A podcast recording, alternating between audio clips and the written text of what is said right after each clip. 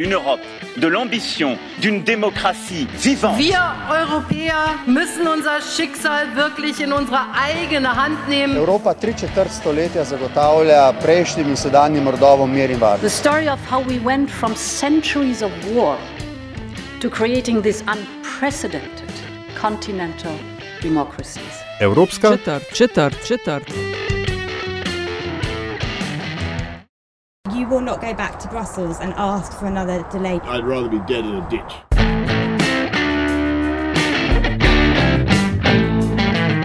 Spoštovane in cenjeni, dobrodošli v podkastu Evropska četrt, podkastu o vsem, kar vas bo zanimalo o Evropski uniji, pa niste vedeli, koga vprašati. Evropsko četrt vodiva Aljaš Pengov Bitenc in Nataša Briški, podcast domuje na spletni postaji metina.si, v vašem nabiralniku pa sveža epizoda takoj, ko je na voljo.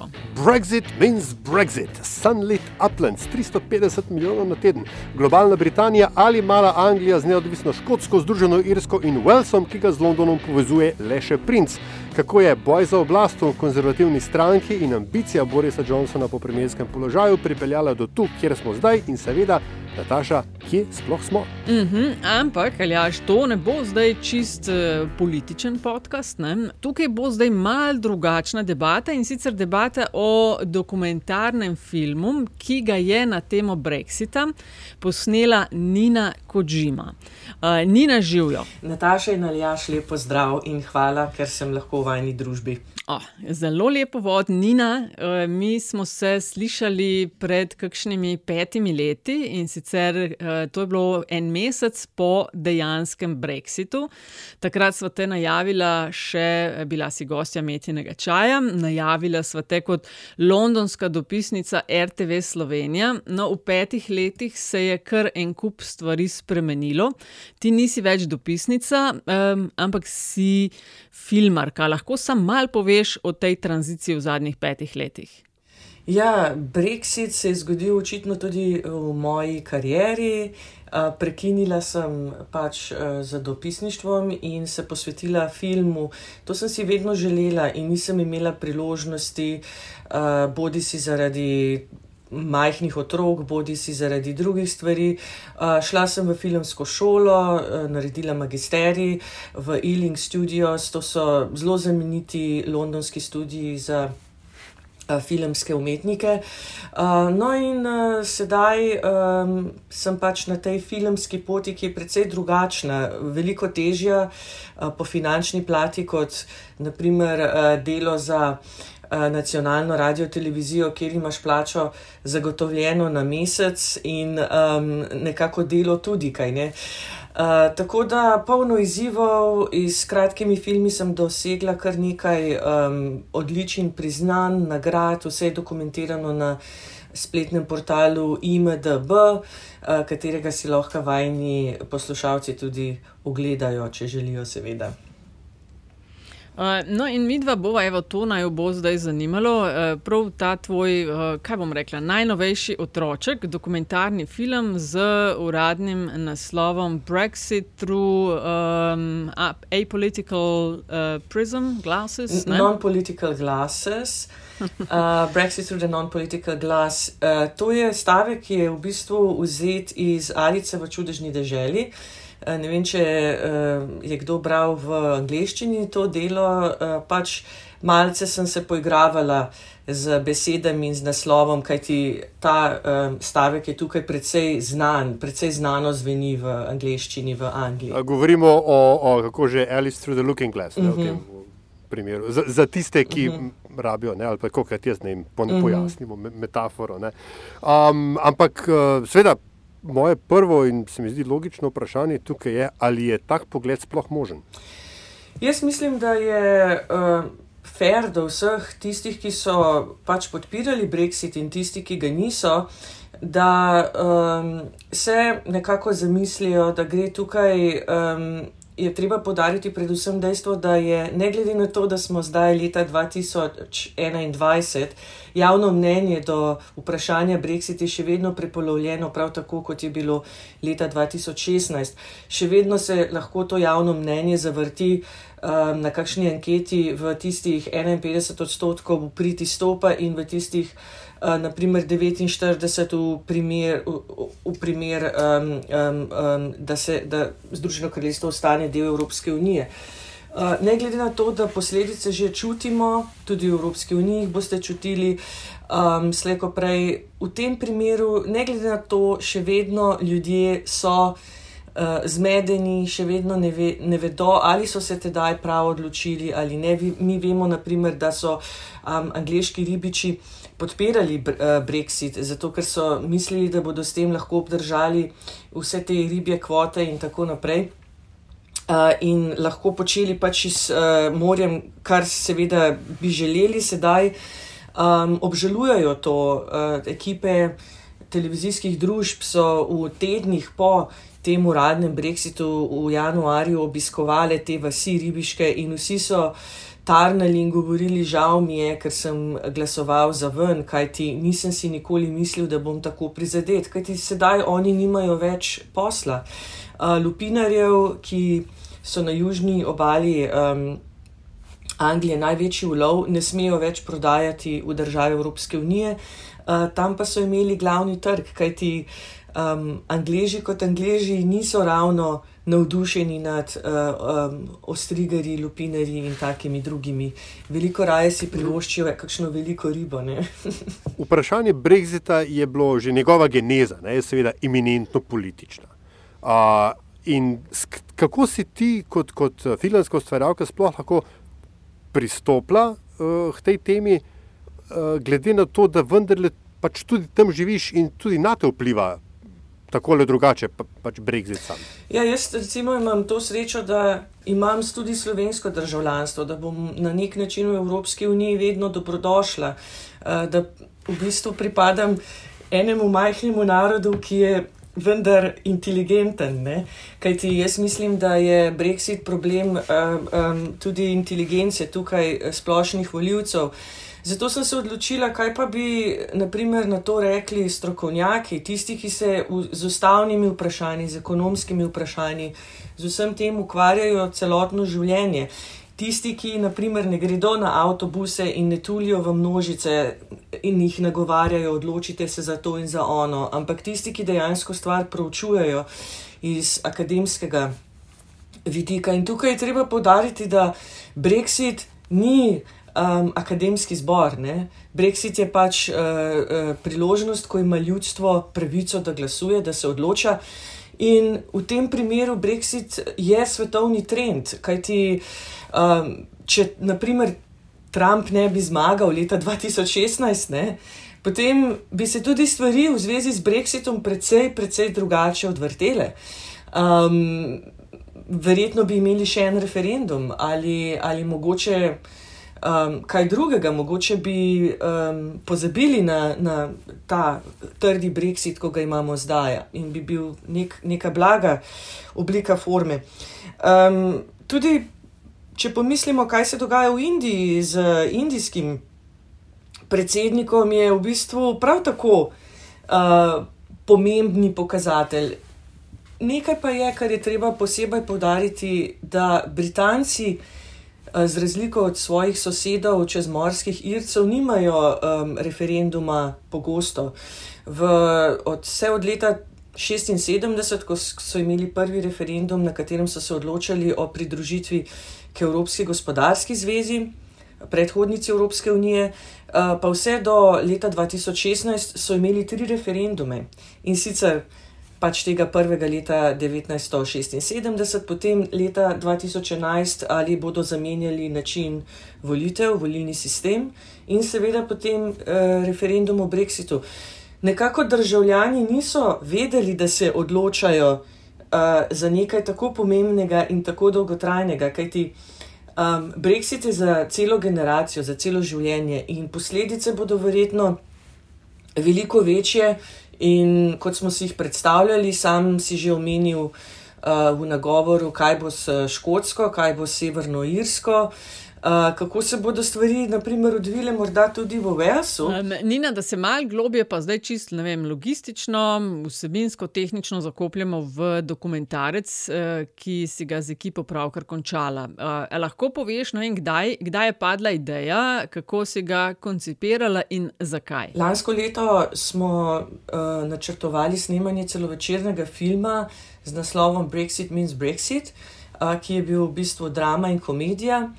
Um, naš uh, izvršni producent je bil Vašo Bagani, to je eden izmed velikih uh, imen Bollywooda. Uh, Vašo je tedaj um, stanoval v Londonu, spoznala sva se prek prijateljskih krogov in želel si, si investirati v ta projekt. Um, privabili smo k projektu tudi slovenske igralce um, ki so bili zelo navdušeni nad scenarijem.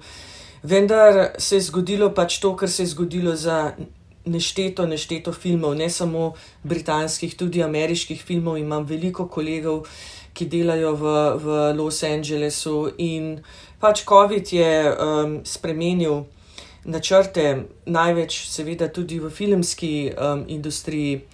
In tedaj sem spoznala, da verjetno ne bo prišlo do snemanja tega celovečerca. In um, mi je prijateljica Vida Breže, ki jo poznate tudi v Sloveniji, je igralka in režiserka, prav tako kot jaz. Uh, tukaj veliko sodelujeva skupaj v Londonu, ona tudi v Londonu živi. Je rekla, Nini, zakaj pa ne bi naredila dokumentarec, le še vedno si um, članica um, novinarskega lobija na Downing Streetu, še vedno. Eh, ti pošiljajo vso dokumentacijo, hodiš na tiskovne konference, seveda zdaj so virtualne. Uh, na tekočem si, kaj pa če bi naredila dokumentarec, in na kar mi je usekalo, da je isto uh, mi priporočil moj um, uh, osebni tutor, prof, uh, profesor na, na um, Simon Shore, velik režiser.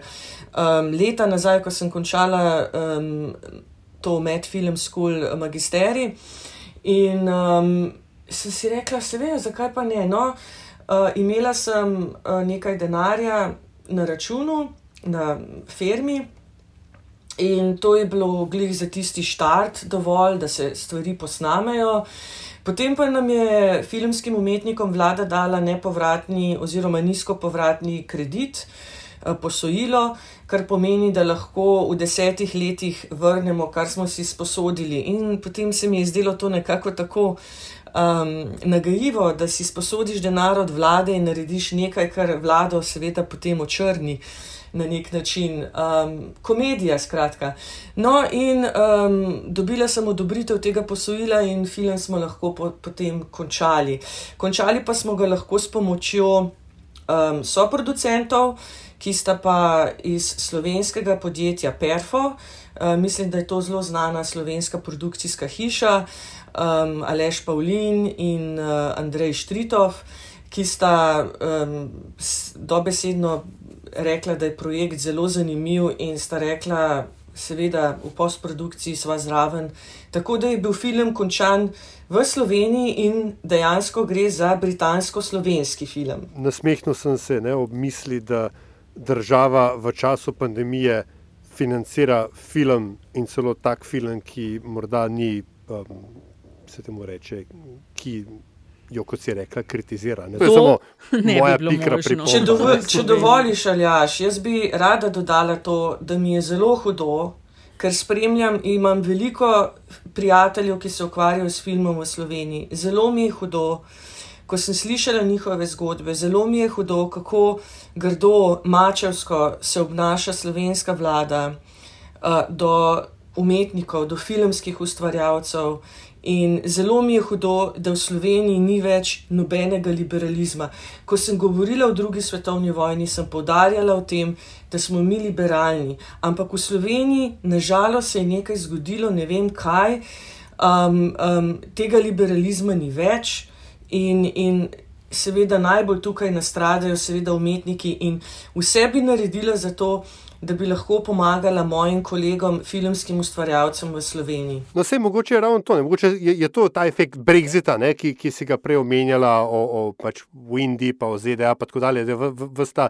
Um, Val, ne, tsunami populizma, da se pač v Sloveniji mogoče, mogoče manifestira tako. Ne, ampak uh, na vkljub vsemu, recimo dobrim ali pa ugodnejšim finančnim pogojem za filmsko ustvarjanje v Veliki Britaniji, um, je pa vendarle situacija na terenu, ne, facts on the ground, kot se temu reče z lepo slovenščino, so bile pa na nek način hujše. Kako si se uh, ti lahko sploh organizirala kot, kot ustvarjalka za to, da si snemala. Kaj, domnevam, da niste samo po zumu ne, ne. se pogovarjali. To je bilo najtežje. Jaz si kaj takega nisem mogla predstavljati, kaj ti, naprimer, če povem samo primer, uh, ko smo šli uh, snemati profesorja Tima Bejla, ki je tudi kolumnist od uh, znanega časnika Guardian in sicer profesor iz um, uh, Londonske univerze uh, Queen Mary's. Uh, v Eastburn. Eastburn se nahaja dve uri pa pol z uh, avtom uh, izven Londona in to seveda v eno smer. Um, in um, ni stranišča, ne, ker je Brexit. Ne. To pomeni, da tudi ne smeš uh, zaužiti tekočine. In ne samo, da smo že tja prišli na, na snemanje za totalno suhimi grli. Um, potem uh, im, moraš imeti v glavi, da to snemanje bo seveda trajalo 5 do 8 ur, uh, kaj ti treba je bilo posneti še vse te pečine, uh, obalo in tako naprej, ne zgolj intervju. Intervju je bil malenkost v primerjavi z vsem ostalim, kar smo mo mogli še posneti. Uh, potem pa, ko se voziš nazaj in te že fajn, uh, se upravičujem, da uporabljam neslovenske besede, uh, uh, imaš že fajn zategnjene hlače. Uh, in, in ne moreš na stranišče. in uh, potem se še dejstvo je, da je naše vozilo bilo znamke Tesla in ga nismo mogli še načrpati, ker je vmes nekdo ukradel kable iz vozila.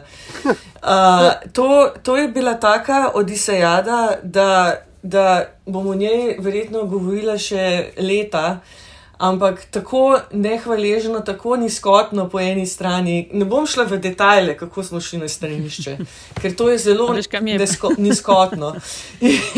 tako... Mi je padel aljaš na pamet eh, primer tiste, če se ste spomnili, ste ljubosumne astronautke, nekaj let ja, ja, nazaj, ki se ja, je iz Teksasa na Florido v Šusu ja. odpeljala. Ne. Uh, ok, se pravi, če prav razumem, uh, Nina, vam je tak, tudi uh, COVID orang zatežil snemanje. Uh, a je bilo težko dobiti sogovornike? Uh, ko sem poslala uh, v začetku novembra, sem poslala vabila za sogovornike. Moram povedati to, da vse te sogovornike sem poznala že predhodno, sem jih že večkrat intervjuvala za um, Radio Televizijo Slovenijo. Uh, prosila za komentar, tako da z njimi sem imela nek uh, stik, nek odnos, uh, uh, če se temu lahko tako reče. Uh, vsi so me poznali um, in bila sem tudi vedno prisotna, naprimer, del njih. Um, um, Piše kritike in raziskave za UK in Changing Europe, to je organizacija, ki se, ki se je ustanovila leta 2015 in je nekako opozarjala na intelektualni način na vse te nepravilnosti, ki bodo prišle eh, z Brexitom, na neugodnosti, ki jih bodo prebivalci utrpeli, davkoplačevalci in tako naprej. Tako da um, niso bili, naprimer, presenečeni nad mojim pismom, bi rekla, ampak. Um, To zelo rada poudarim, to sem poudarila tudi za številne zdaj medije, tudi kanadske, uh, da so se vsi odzvali v manj kot pol ure, so mi odpisali nazaj in so rekli, da so za. Eh, seveda smo morali počakati na tisti 2. december, ko se je spet vse odprlo, potem pa je nastal problem uh, proti koncu decembra, kajti um, v Londonu smo začeli beležiti uh, angliški sev. In Boris Johnson je takoj London in uh, londonske občine dal na četrto stopnjo, kar pomeni, da ne smeš zapustiti občine. Um, Cambridge, kjer sta bili dve profesorici, ki smo jih mogli posneti, pa sta bile v, še vedno v tem času v, na stopni dve.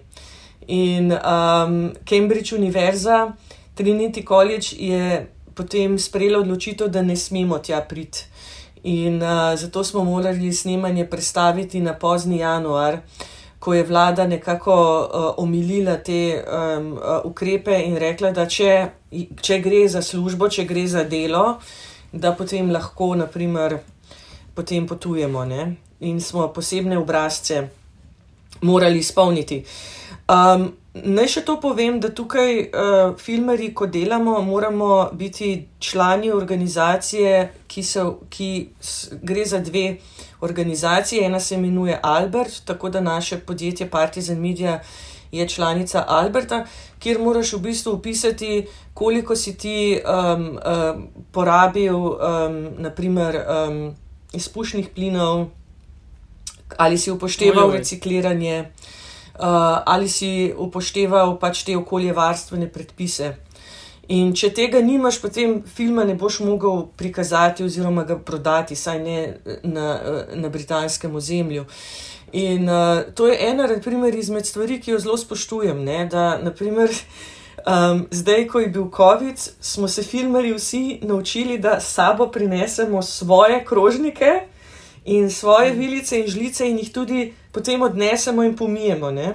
Ker to je treba potem vse opisati, ali smo mi uh, sabo nosili plastiko ne?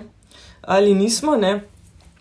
In um, tukaj je, naprimer, Tesla avto prišel zelo prav, ker je um, uh, sedem sedežni in vmes smo uh, imeli te uh, prozorne, um, uh, prav kupili smo v ta namen uh, pre, pregrade, da smo lahko ekipo naprimer, snemalcev ločili od ekipe tonskih mojstrov in midve z asistentko režije smo sedeli v spredaj.